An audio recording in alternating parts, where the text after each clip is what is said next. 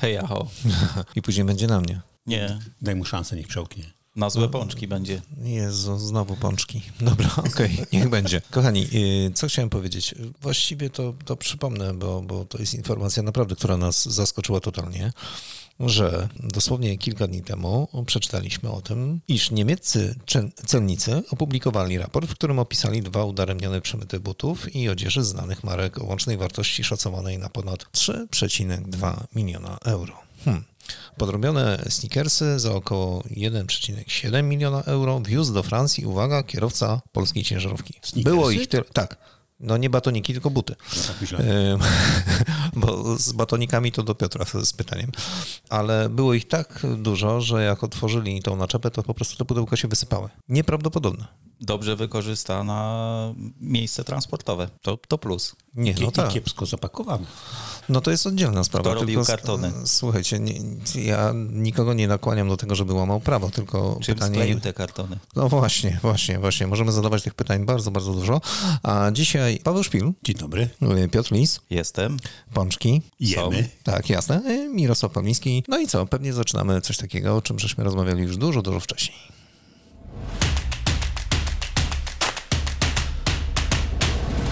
Śniadanie poligrafa, tylko jakieś śniadanie znowu po południu, tak? Mniam, mniam. Niam, niam. No nie, to wiesz, to ten niam, niam to przyniósł Paweł.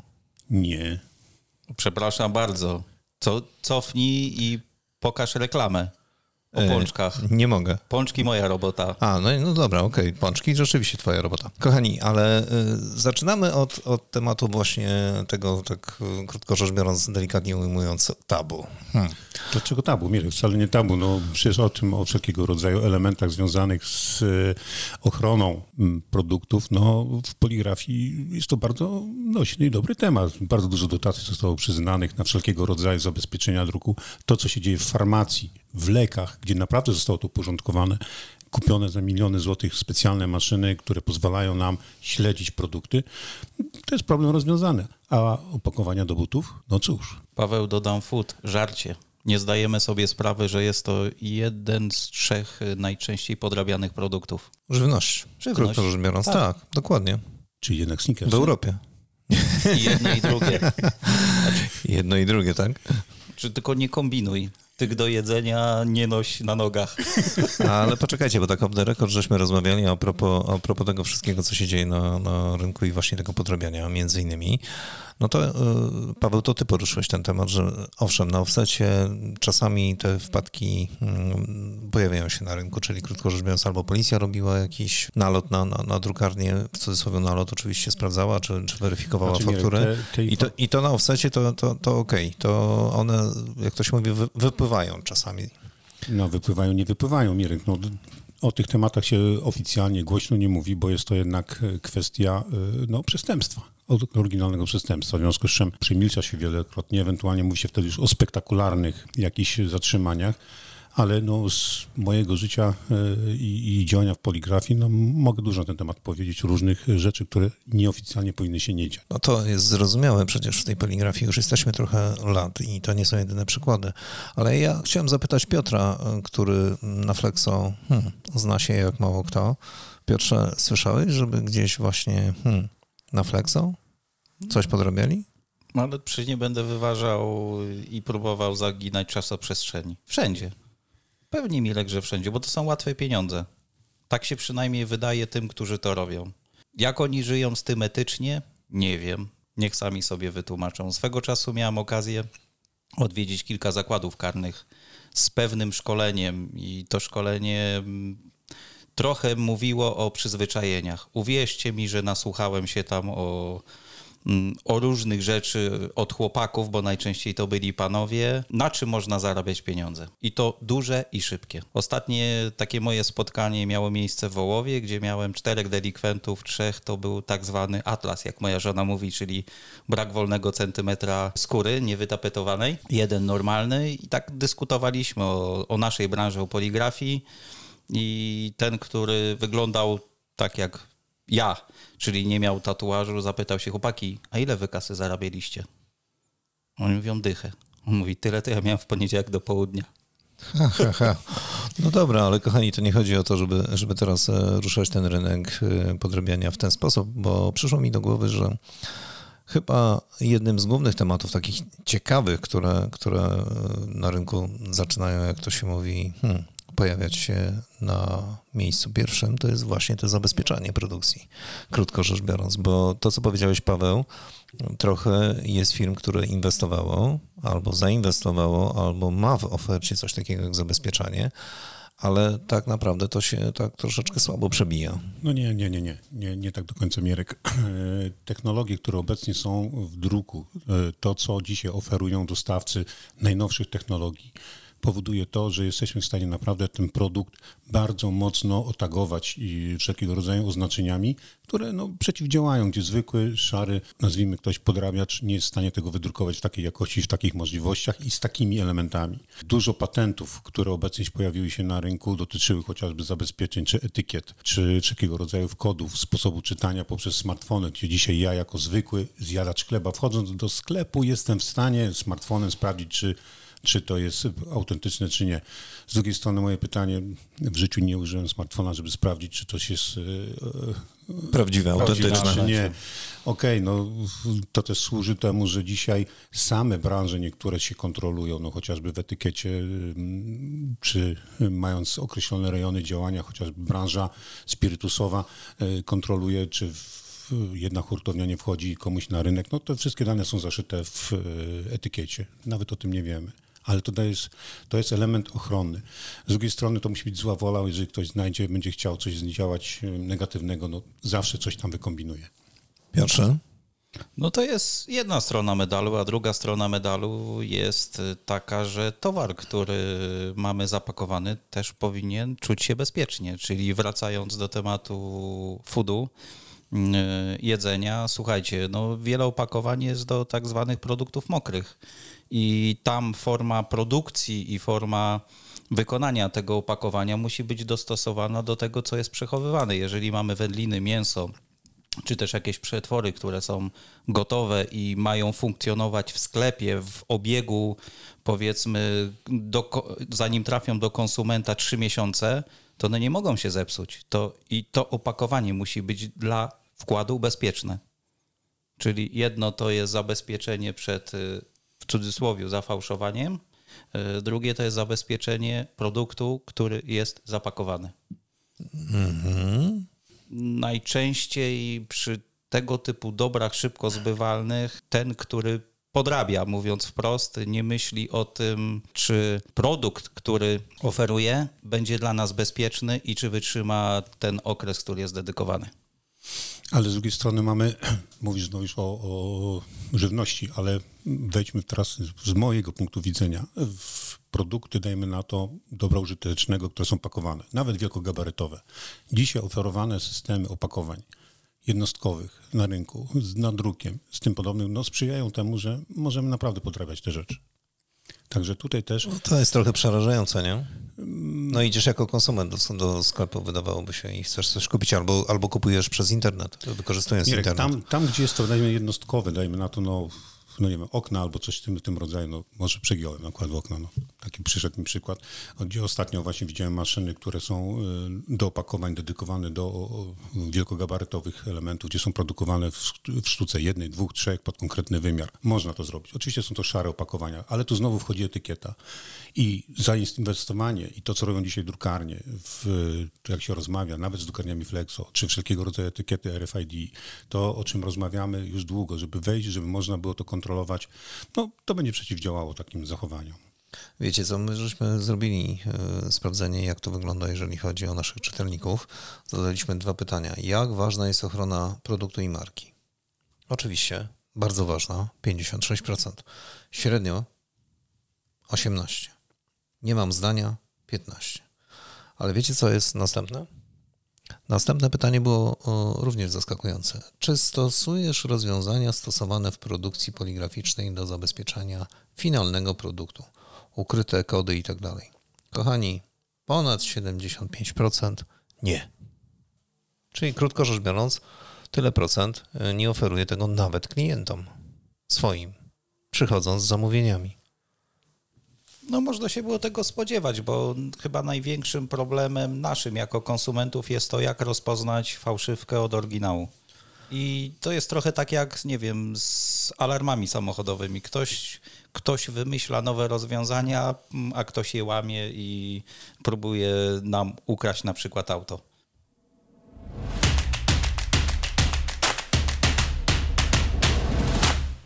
Tak, tak, tak, tylko się nie pobicie o te pączki, proszę was. Nie, nie, Paweł. wiesz co? Zarąbiste są te pączki. Polecam. Ale dzisiaj mamy na bogato. No nie?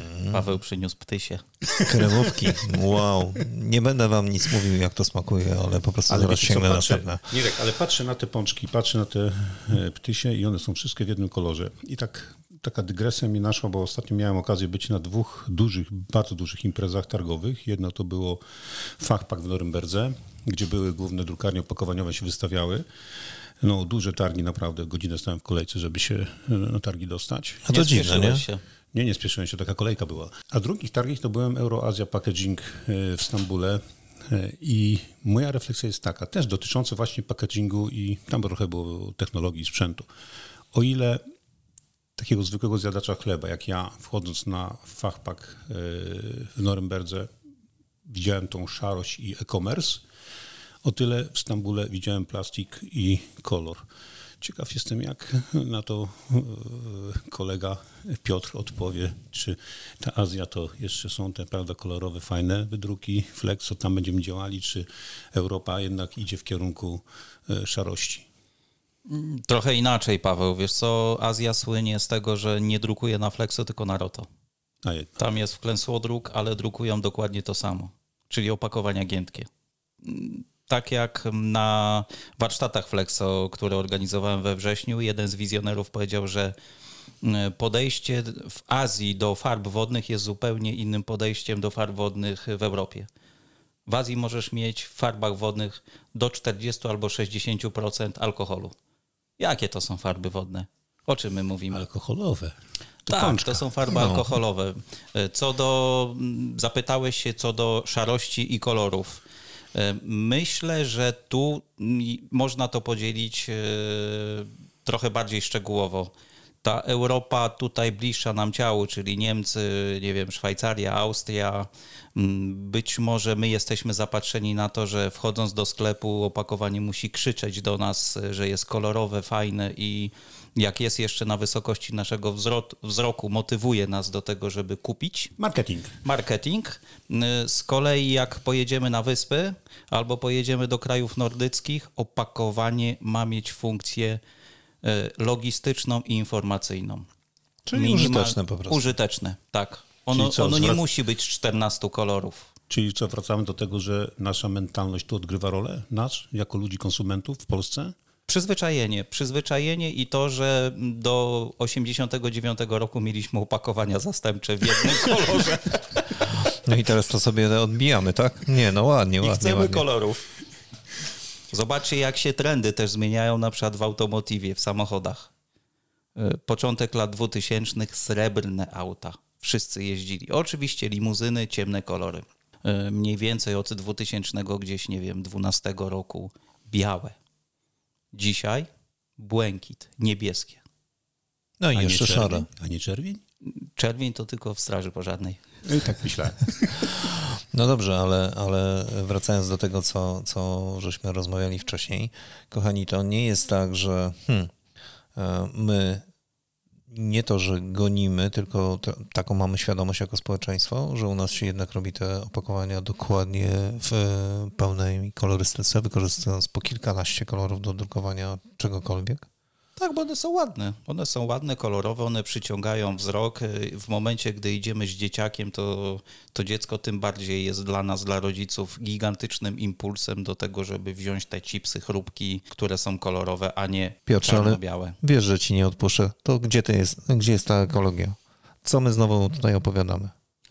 Dlatego wracając do tego, co już było, czyli do września, moim zdaniem musi minąć jeszcze trochę czasu, żebyśmy przestawili się na ten inny ciąg y, myślenia.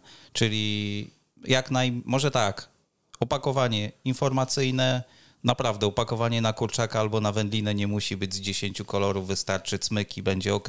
Opakowanie nie musi kilogramowe, nie musi zawierać pół kilo wkładu, tylko jeżeli jest kilogram, to niech będzie kilogram. Jeżeli mamy mm, pół kilograma na przykład cukru, to niech opakowanie też będzie mniejsze, a nie to samo.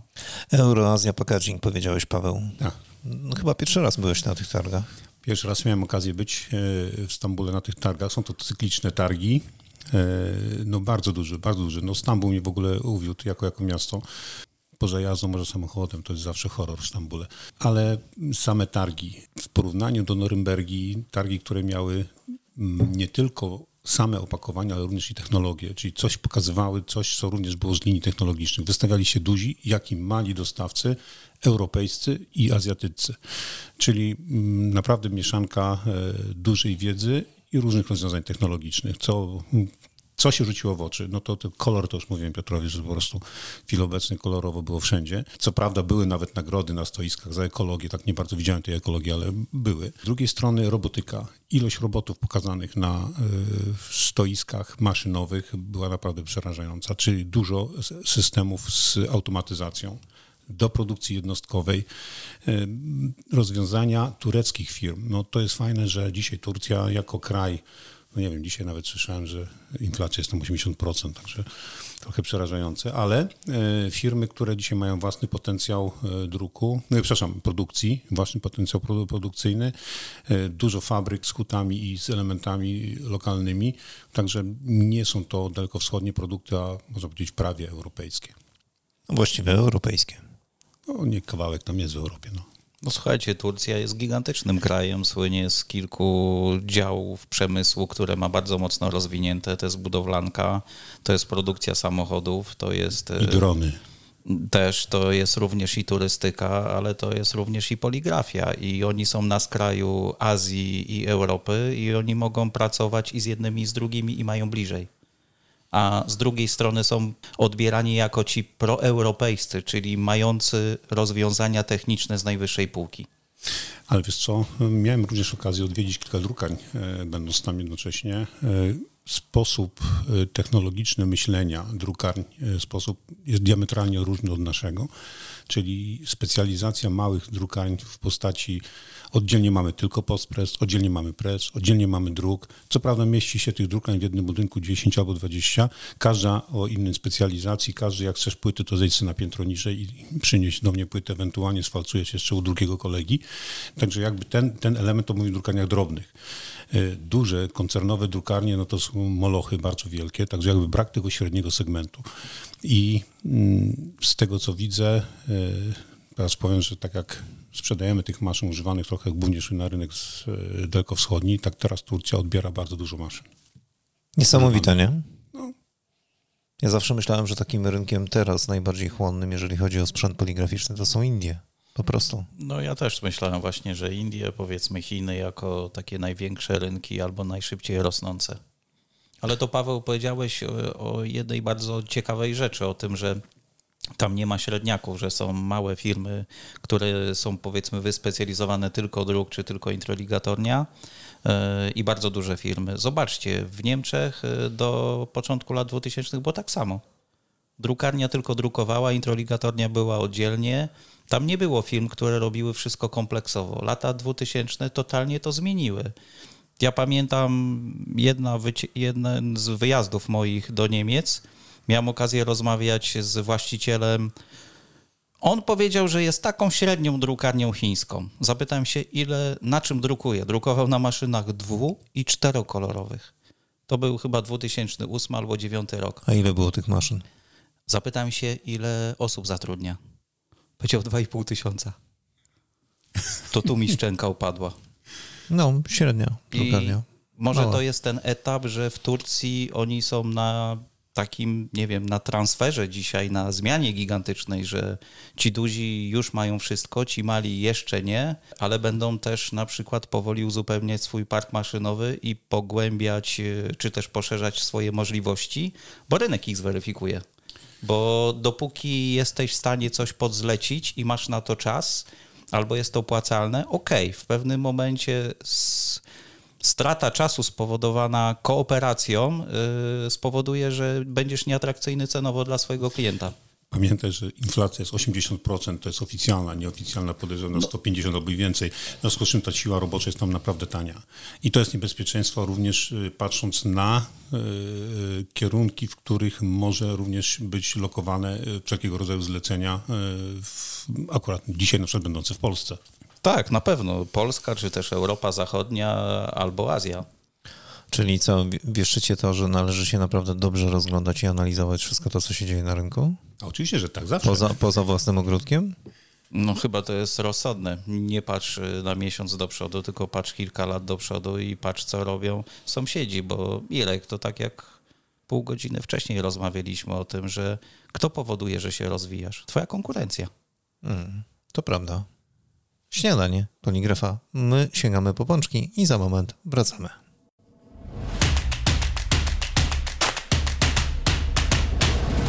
Popołudniowe śniadanie poligrafa. Ciąg dalszy rozmowy. E, Paweł Szpil, e, Piotr Lis, e, Mirosław Pawliński. Kochani, takie hasło. Druk musi stać się premium. Co to znaczy druk premium? Paweł. Aleś mnie zaskoczył pytaniem. A Premium. widzisz, nie ma tak łatwo. Premium to dla mnie jest coś, co błyszczy, jest ładne, jest super i drogie. Ja powiem, że druk jest już premium. Druk jest premium, bo już nie rozmawiamy, że jakość tam będzie. Każdy musi mieć jakość. Nie masz jakości, to cię nie ma. Tak jest. Czyli wszystko jest premium Mirka. No nie, ja się z tym nie zgadzam, absolutnie. Wy mówicie o, o jakości, o technologii, o wszystkich innych rzeczach, a ja mówię o zupełnie czymś innym. Ja mówię o produkcie końcowym. I nie zgadza się z wami, bo jednak my jako poligrafia, jako branża musimy troszeczkę popatrzeć na to szerzej, czyli przejść zupełnie w inny obszar. Nie technologii, kochani, bo technologię to można naprawdę wybrać tą czy inną. Na końcu liczy się produkt końcowy. Nas, jak to się mówi, zmusiło to, żeby popełnić materiał do czasopisma, to, że e, drukarnie właśnie rozglądają się za technologią, kupują technologię po to, żeby sobie usprawnić tą technologię, e, całą produkcję, zoptymalizować, jakoś wystandaryzować, ale to nie jest ta droga. Jak? Standaryzacja To- i optymalizacja to jest jedno. No jak No, nie? no to jest główna droga. Mirek, no co ty? Chłopie, co ty dzisiaj piłeś? Co brałeś? Kawę, kawę, kawę, kochani, do tych pączków kawę, no po prostu. Mirek, podsumujmy bardzo krótko. Jeszcze raz to, co Piotr powiedział. Ale poczekaj, ale poczekaj. jakość jest jedna. Ale I poczekaj. wszyscy muszą się... O jakości nie dyskutujemy. On to powiedział off the record, to teraz powiedz to Piotr jeszcze raz. Jakość jest, bo musi być. I nie ma dzisiaj dyskusji, że jakość tam będzie. Nie, ma być dobrze. Wszyscy, my jesteśmy jako branża, jesteśmy branżą usługową. No to gdzie konkurujemy w takim razie? Czyli Mirek teraz przed, to, co jakby zadając kłam temu coś powiedział, że dzisiaj konkurujemy głównie w oszczędnościach związanych z technologią. Czyli Wydajności. energia, optymalizacja produkcji. Mówisz, że nie. Ja tak, to jest główny nurt, optymalizacja produkcji. Oczywiście. Ja się, nie, nie, ja no, się zgadzam. nie, no. nie, nie, ja się zgadzam z tym, co, co w tej chwili żeście powiedzieli, kochani, ale, Mirek, jestem- ale jest jedna drobna rzecz. Według mnie e, drukarnie mają jeszcze dodatkowy potencjał, którego w ogóle nie wykorzystują, a przynajmniej ogromna rzesza tych drukarni, czyli krótko rzecz biorąc własne produkty, własne produkty przygotowane, za po prostu wymyślone, przez nich robione, z unikalną, używaną u nich technologią. Po I prostu. każdy by tak chciał. Wielokrotnie będąc w drukarniach, przepraszam Piotr, wielokrotnie będąc w drukarniach zawsze im powtarzam, że słuchajcie, znajdźcie sobie niszę, swój produkt y, i bądźcie jedyni. Rzadko której drukarni się to udaje. Mirek, przede wszystkim musi być dział jakiś badawczo-rozwojowy. Cokolwiek, co można wymyśleć, co nie będzie standardowe dla innych drukarni. Że ja jako sprzedawca systemów nie sprzedam drugiej, trzeciej, czwartej tego samego systemu. Czyli drukarnia musi być unikatowa, ten produkt. Jeden. Drugi element bardzo ważny. Jak już mam ten, znamy przecież drukarnie, które wymyśliły masę patentów w swoich rozwiązaniach. Drugi element, czy klient zapłaci za to, co wymyśliłem. To jest następny element. A trzeci, czy ja potrafię to w ogóle wdrożyć i sprzedać. Czyli dzisiaj pokazanie, że coś mam ekstra, jak ty to nazywasz premium, to nie jest takie proste. Znaczy pokazanie to jest jedno, ale sprzedanie tego komercyjnie to jest drugie. No właśnie. Swego czasu pojechałem z jednym z klientów na odbiór maszyny, 11 agregatów, super technologia, fajny projekt, podprojekt klienta. Odebraliśmy tą maszynę, wracamy i klient się po tygodniu dowiedział, że e, jego końcowy zleceniodawca zmienił grafikę. Już nie potrzeba 11 zespołów. Wystarczy 7. Maszynę kupił. I co wtedy? Mirek, jesteśmy usługowym kawałkiem tortu. Jedno to rozwiązanie, które jesteśmy w stanie zaoferować naszym końcowym odbiorcom, żeby nas wyróżniały, żeby ich wyróżniały, zoptymalizowanie produkcji, usprawnienie, ten tak zwany make ready time, o którym mówią wszyscy drukarze, skrócenie czasu narządu, zmniejszenie ilości materiałów pozostałych po produkcji do utylizacji. Szybsze drukowanie, tak, wiem. Wyści- Nie, to są szy- niezłe wyścigi. nie szybsze drukowanie, tylko szybszy proces produkcji, bo możemy drukować wolniej, ale jeżeli całość produkcji wykonamy z oszczędzeniem jednej godziny czasu, to jesteśmy do przodu.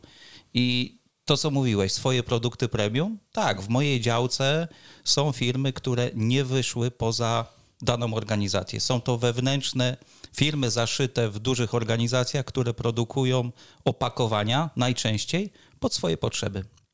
Oni tam wdrażają cuda, ale oni tych cudów nie sprzedają komercyjnie, bo jakby sprzedali komercyjnie, to znów, by, znów by musieli uciekać przed konkurencją, więc konkurencja musi, bo maszyny może każdy kupić. Ludzi może zatrudnić. Mnie, ciebie ktoś może kupić, posadzić jako szefa produkcji i mówi, masz wiedzę, rozłożysz mi to na części pierwsze. Ale know-how, do którego się dochodzi, splatając do kupy maszyny, urządzenia, ludzi, materiały. Okazuje się, że w jednej firmie zadziałał szybko, w drugiej firmie poprzez delikatne zmiany może się okazać, że będzie trwał 2, 3, 5 lat, a czas to pieniądz. No tak, ale produkcja premium, pamiętajcie, to jest coś wartościowego, luksusowego, no. za co się bierze większe pieniądze. Niestety, jeżeli produkty robimy inne, zupełnie inne, to i ten zysk jest zupełnie inny. Nie mówcie mi tego, że, że technologia, optymalizacja, standaryzacja, tak, to jest bieżąca e, działalność firmy, funkcjonowanie i rzeczywiście wykonywanie usług, ale moment, kiedy siadamy i zaczynamy myśleć o tym, aha, mamy się rozwijać, mamy coś znaleźć unikalnego i zaproponować naszym klientom, no to zawsze wiąże się z takim tematem, do którego ja chętnie już zaczynam odsyłać wszystkich, bo hmm, jakby to powiedzieć, wy tego nie słyszeliście, koledzy, ale jest coś takiego w podcastach. Tuż przed edycją naszego podcastu, właśnie tej rozmowy, e, podcast poświęcony polityce cenowej. O, jak się ustala cenę danego produktu i co to znaczy cena ustalona przez drukarnię na produkcję. Czy zdajecie sobie sprawę z tego, ile tam jest składowych oprócz materiałów? Jedno pytanie, cena ustalona przez jedną drukarnię, czy przez Dokładnie drukarnię? chciałem to samo zapytać. Bo nie cena jedną, ustalona przez tylko drukarnię, wiele, tak. bo, bo cena ustalona przez jedną drukarnię, okej. Cena ustalona przez 100 drukarni to jest zmowa cenowa. Nie, no nie Na to mówimy. są paragrafy. O tym nie mówimy. Ale nawet nie to. Na dzień dzisiejszy, nawet jeżeli masz tą jedną cenę w drukarni, a ktoś będzie miał ten sam produkt tańszy, to możesz sobie tą cenę ustalić. No, nie da się. Jak się nie da? Wszystko się da.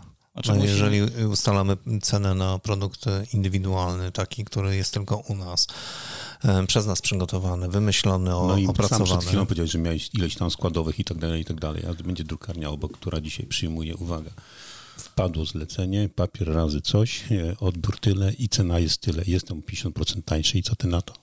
No to myślę, że warto posłuchać tego, um, co żeśmy e, omawiali z Izą. Po prostu zapraszam was do tego podcastu, żebyście tam zajrzeli i posłuchali. Albo- Genialna sprawa. Albo chłopaki, papier spadł z tira, tak, czyli jest za pół ceny. I wracamy do początku rozmowy i będzie taniej. Tak, i nie zachęcam zaglądać do marek.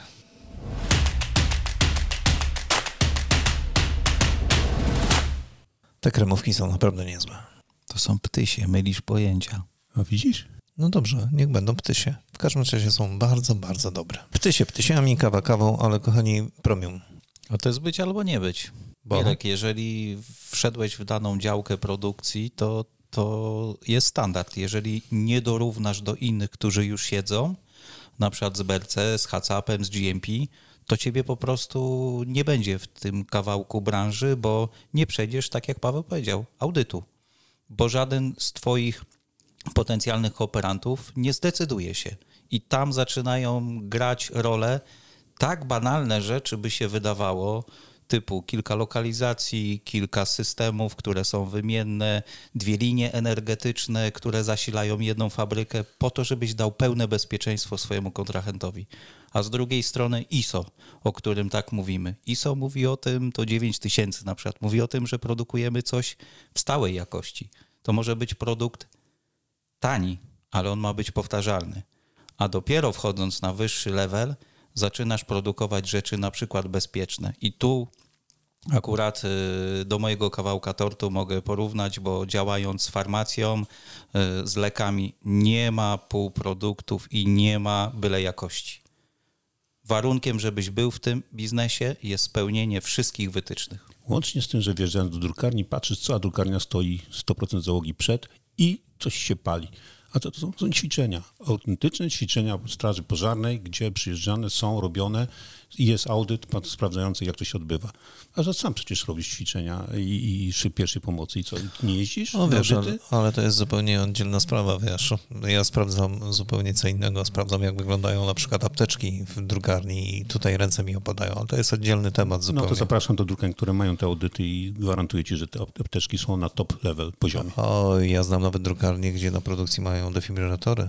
No. A byliście panowie w jakiejś organizacji, gdzie przejście na przykład z działu do działu wymagało tego, że musiałeś się przebrać w zupełnie inne ciuchy?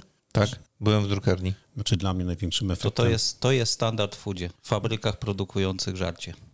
Znaczy odpowiem inaczej. No, miałem okazję być w drukarni w Japonii produkującej leki. No, innej już takiej drukarni, przepraszam, opakowania do leków, innej takiej drukarni w takim reżimie nie miałem jeszcze okazji widzieć.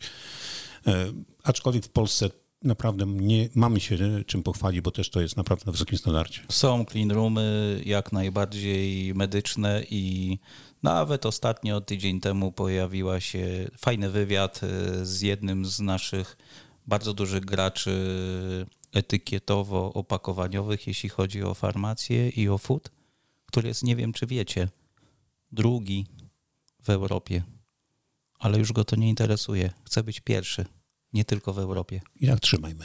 Mówisz o pulsie biznesu? Tak. O, drukarnia, świetna, wspaniała, genialna. Nawet u nas informacja wisi na stronach internetowych a propos tej drukarni. A mówimy o drukarni. Formika. No właśnie, która się mieści w dodatku blisko Warszawy i można zobaczyć, jak to wszystko jest zorganizowane. Naprawdę robi wrażenie. Miało być bez komercji, no. No tak, no to miało być bez komercji. Dobra, to jest bez komercji. Ale trzymamy za was kciuki.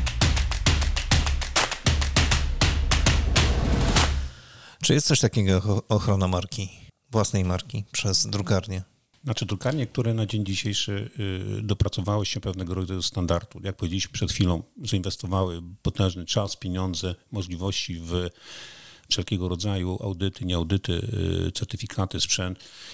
No, jak najbardziej. Marka istnieje i jest rozpoznawalna. Oczywiście mm, różny poziom tych drukarni, bo i drukarnie małe są rozpoznawalne własną marką, ale też i potężne wielkie koncerny. No, jak najbardziej. A czy na, na opakowaniach trafiają się jakieś e, znaki albo elementy, gdzie dane opakowanie jest robione? Piotrze? Oczywiście, że tak. Na etykietach, na piwko i na alkohole to jest standard. No dobra, zadam ci pytanie, Mirek. Jak kupujesz książkę, to od, jak zaczynasz ją czytać? Ja? Od, no. od przodu. No nie, ja zapasy zaczynam od tego, kto drukował. Wiesz co, już w wielu książkach nie ma tej informacji, no kto i drukował. na tym ubolewamy. I masz odpowiedź, czy dbamy o markę, czy nie. Bo, jeżeli, bo jeżeli, dzisiaj ta książka, y, środek stanowi kiepskiej jakości papier, y, czcionka, oczy bolą, ale okładka wyrywa y, z miejsca, no to może lepiej nie wiedzieć, kto to drukował. Piotrze? No, ale panowie, to jest jed, jeden kawałek tego tortu, bo marka moja, wypracowana przez lata, e, fajnie. Ja chodzę z piersią wypiętą i wiem, jaką firmę, wiem, kogo reprezentuję. Druga rzecz co do ochrony marki, to jest ochrona również ta intelektualna, czyli technologii, jaką ja mam. Bo maszyny, rozwiązania każdy może kupić tylko to, co ja się dopracowałem tego latami technologii, to jest druga rzecz. I tu mogę zacytować słowa Czarka Nazara, byłego właściciela firmy Cezar, który powiedział, że wpuści każdego, tylko musi wiedzieć, kto to jest, czym się zajmuje i kto do niego przyjedzie, bo maszyny, urządzenia kupi każdy. Mm, to jest ogólnodostępne, ale technologię, którą wypracował przez lata, to jest jego know-how. I to jest ta wartość, o której, o której też nie powinniśmy zapominać. To jest ochrona marki. To za chwilę o technologii. Piotr Lis, Paweł Szpil.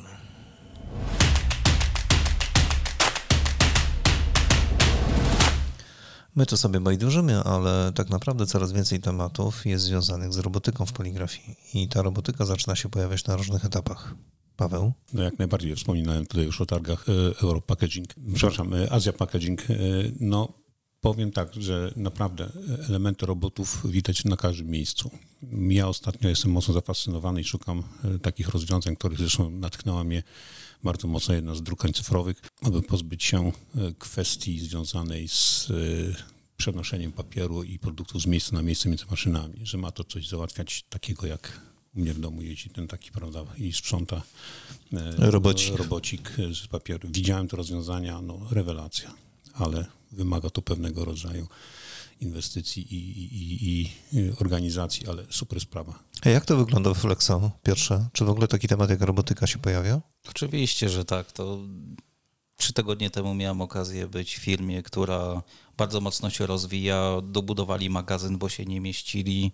I taka prosta rzecz. Wstawiamy zwykłe regały i będziemy mieli 1100 miejsc paletowych, czy wstawiamy automaty, które się same przestawiają i dzięki temu wózek widłowy też na zasadzie robota poniekąd wjedzie, wywiezie towar. Wiecie, ile im przybyło miejsc paletowych dzięki takiemu rozwiązaniowi? rozwiązaniu? Z 1100 na 1900. Są do przodu? Są do przodu. A pomieszczenie to samo. A pomieszczenie to samo. Kolejnym rozwiązaniem to jest to, co się dzieje na każdej maszynie drukującej, czy, na, czy, też na każdej maszynie produkcyjnej. Mm, jak powiedzmy w temacie offsetu, to już było automatyczna wymiana płyt. Ona już się działa od wielu lat, tak we Flexo nie było. Słuchajcie, dostawcy maszyn instalują dzisiaj roboty, które za nas wykonują wymianę sliwów, cylindrów, wałków Anilox. E, nagle się okazuje, że maszynę o szerokości 1,5 metra, 2 metry może obsługiwać naprawdę jedna osoba. Co było niemożliwe, bo do takiej maszyny są dedykowane 3-4 osoby. Wiecie, dlaczego o, tym, o to zapytałem? Bo przyglądałem się ostatnim dwóm edycjom takiej imprezy, która się nazywa Smart Factory. Nie wiem, czy mieliście okazję na to popatrzeć impreza odbywająca się w Japonii pokazują takie rozwiązania dla drukarni między innymi cyfrowych, ale też offsetowych.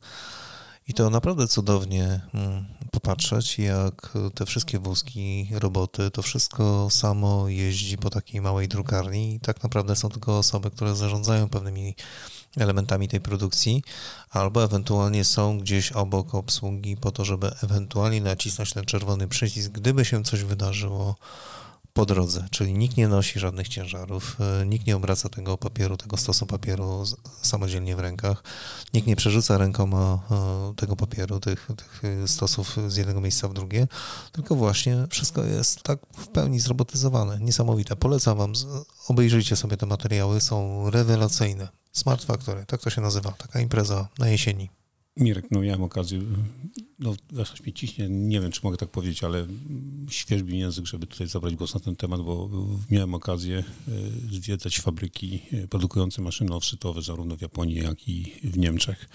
Są to dwa światy ilość ludzi pracujących e, w niemieckich fabrykach, a ilość ludzi pracujących w japońskich fabrykach, jak to wygląda w Japonii, o, o tych robotach jeżdżących, o tych e, elementach, e, ilości osób, just in time, dostawach i tak dalej. Naprawdę to już, czy technologii, czy ideologii Toyoty, no, no naprawdę to funkcjonuje tam jak się patrzy na, na wielkie maszyny, wielkie fabryki w Niemczech, no jeszcze im było daleko do tego. Pytanie, czy Paweł. współczesny świat i, i, i kwestia, kwestia e, dostaw, e, załamania się dostaw, rynków dostaw, e, kwestia to, co ostatnie dwa lata zrobiły, zaburzyły wszelkiego rodzaju łańcuchy związane właśnie z tymi różnymi podejściami. Mówię tutaj o, o, o kwestiach Smart Factory i, i, i kwestii dostaw bez magazynów. To wszystko jest na tyle płynne, na tyle e, zmieniające się obecnie w współczesnym świecie, że trudno jest odpowiedzieć, czy to jest dobre rozwiązanie, czy złe. Piotrze? Wszystko jest efektem skali. Trochę się z Tobą nie zgodzę, bo naprawdę są fabryki, które też są w pełni zautomatyzowane i odbywa się tam wiele rzeczy automatycznie, bez użycia ludzi. Można się śmiać tylko, że ten właściciel siedzi na Kanarach albo na Hawajach i podgląda na kamerach. Drugim pytaniem jest to, kto będzie pracował, nie? Albo kto będzie miał robotę. E, To wszystko przychodzi, wiesz co, z branż, które są mega rozwinięte. Automotive, nie ma co ukrywać. Jest najbardziej wydajny i najbardziej zautomatyzowany. I ten cały przemysł 4.0, oni byli pierwsi, którzy to wprowadzili. My dzisiaj to zasysamy. Jest to przyszłość, która, jeśli chcesz produkować coś w dużych wolumenach, w wolumenach atrakcyjnych cenowo, to musisz mieć tego typu rozwiązanie. Jeżeli będziesz chciał produkować rozwiązanie premium, o którym rozmawialiśmy, to wiesz, to nie będziesz się bił wtedy, nie wiem, z największym, tylko wystarczy, że takich samochodów 10 wypuścisz, ale cena takiego jednego samochodu będzie zupełnie inna. Pytanie, który kierunek Cię interesuje? No i No właśnie.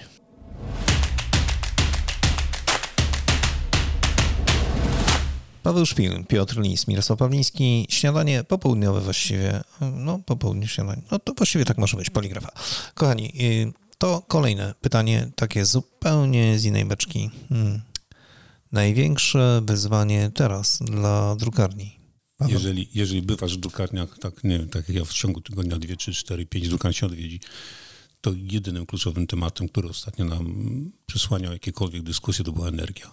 Energia, to co się stanie za chwilę. E, oczywiście ustawa, która obecnie weszła o, o, o wysokości, trochę pomaga, natomiast nie ukrywajmy, że strach przed tym, co nas czeka i postępowaniem e, w drukarniach e, po podwyżkach no troszeczkę napawa takim, takim no strachem, no, co by nie powiedzieć.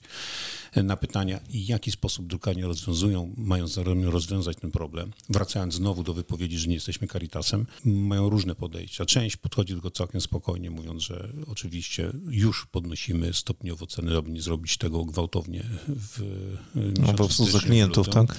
Tak, nie, podnoszą ceny klientom. No jeszcze raz powtarzam, nie jesteśmy Caritasem. Czyli po prostu propozycja stopniowego wzrostu ceny. E, Albo no, zrobienia tego w styczniu, w lutym. No, Piotrze? Zobaczymy. Media, media i jeszcze raz media i nie media drukowane, czy tam multimedialne, tylko niestety prąd i gaz. No dobrze, ale czy nie uważacie, że, że wszyscy popełniliśmy jeden błąd? Wszyscy. Tak Mówiąc naprawdę. o mediach? Nie, nie, nie. E, Mówiąc o tym, że e, nie zadziałaliśmy jako branża, bo trzeba pamiętać o tym, że poligrafia mimo wszystko zaledwie kilka lat temu była jedną z tych głównych, która absorbowała środki unijne, czyli krótko rzecz biorąc, rozwój tej branży jest naprawdę bardzo kluczowy. Jeżeli chodzi o zastosowane technologie na najwyższym poziomie, wszystkie technologie, od cyfrowych, digitalizacji po automatyzację, robotykę, to wszystko jest w poligrafii. E, Wiecie, czego brakuje tak naprawdę w tej poligrafii naszej?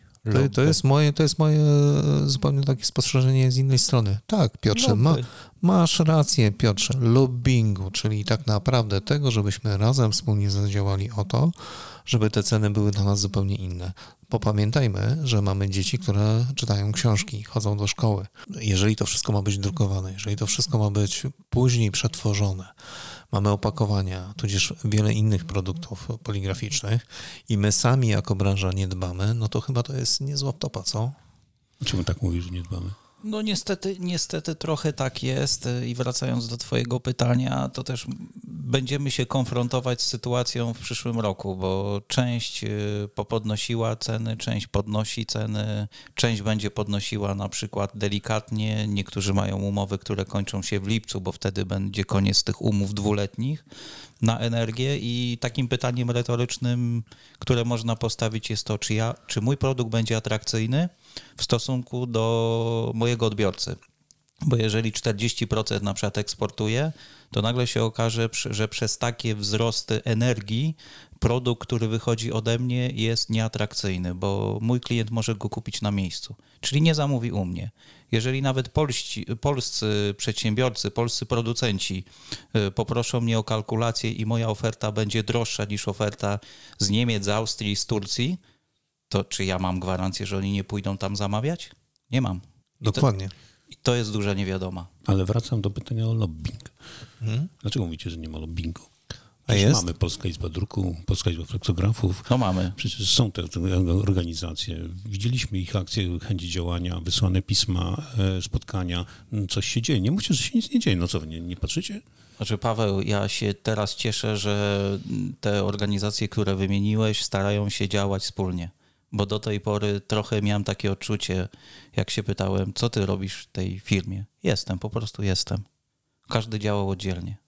W momencie, gdy nasza branża zbiera, nie wiem, 150 tysięcy ludzi i rynek Flexo krzyczał, to mówiliśmy o, nie wiem, o 400, o 500 drukarzach. Jakie mamy przebicie? Niewielkie. Jeżeli dołożymy do tego, nie wiem, offset, który powiedzmy, nie wiem, 3,5 tysiąca graczy jest, mniej, więcej, Mniej, no. mniej. Y, To wiesz, jakbyśmy się całą branżą dogadali, do tego jeszcze poszli wydawcy, do tego jeszcze poszły, nie wiem, agencje y, marketingowe, reklamowe, które mają z nami do czynienia, to nagle by się okazało, że producenci tworzyw sztucznych, bo to też są opakowania, producenci opakowań szklanych, to nagle nasza branża by miała nie 1,8% PKB, tylko 9%. I jest o czym I jest o czym z krzyczeć. metalu, tak, które są zadrukowane Tak, chociażby? tak. Tak, tak, tak, ale powiem wam ciekawostkę, bo, bo tuż po naszym spotkaniu mm, wcześniejszym, kiedy sobie tam ogólnie żeśmy rozmawiali o tym, co w trakcie tej rozmowy e, omówimy albo które tematy poruszymy, wykonałem kilka telefonów do mm, organizacji, które wymieniliście i zaprosiłem ich do rozmowy właśnie na ten temat. I ciekaw jestem bardzo efektu tej rozmowy, bo przypuszczam, że będzie mm, poruszone bardzo dużo tematów, które może nasi słuchacze, może i wy usłyszycie po raz pierwszy, że w ogóle coś takiego jest. Bardzo się będę cieszył. Drodzy Państwo, nasi goście Paweł Szpil, Piotr Lis, dziękuję Wam. Dzięki, pączki były super. Dzięki serdeczne, poproszę o więcej ptysi. Yy, Paweł, yy, już wiesz, co na następne spotkanie. I A ja nazywam się Mirosław Pawliński i życzę wszystkim miłego, spokojnego następnego tygodnia. Do usłyszenia.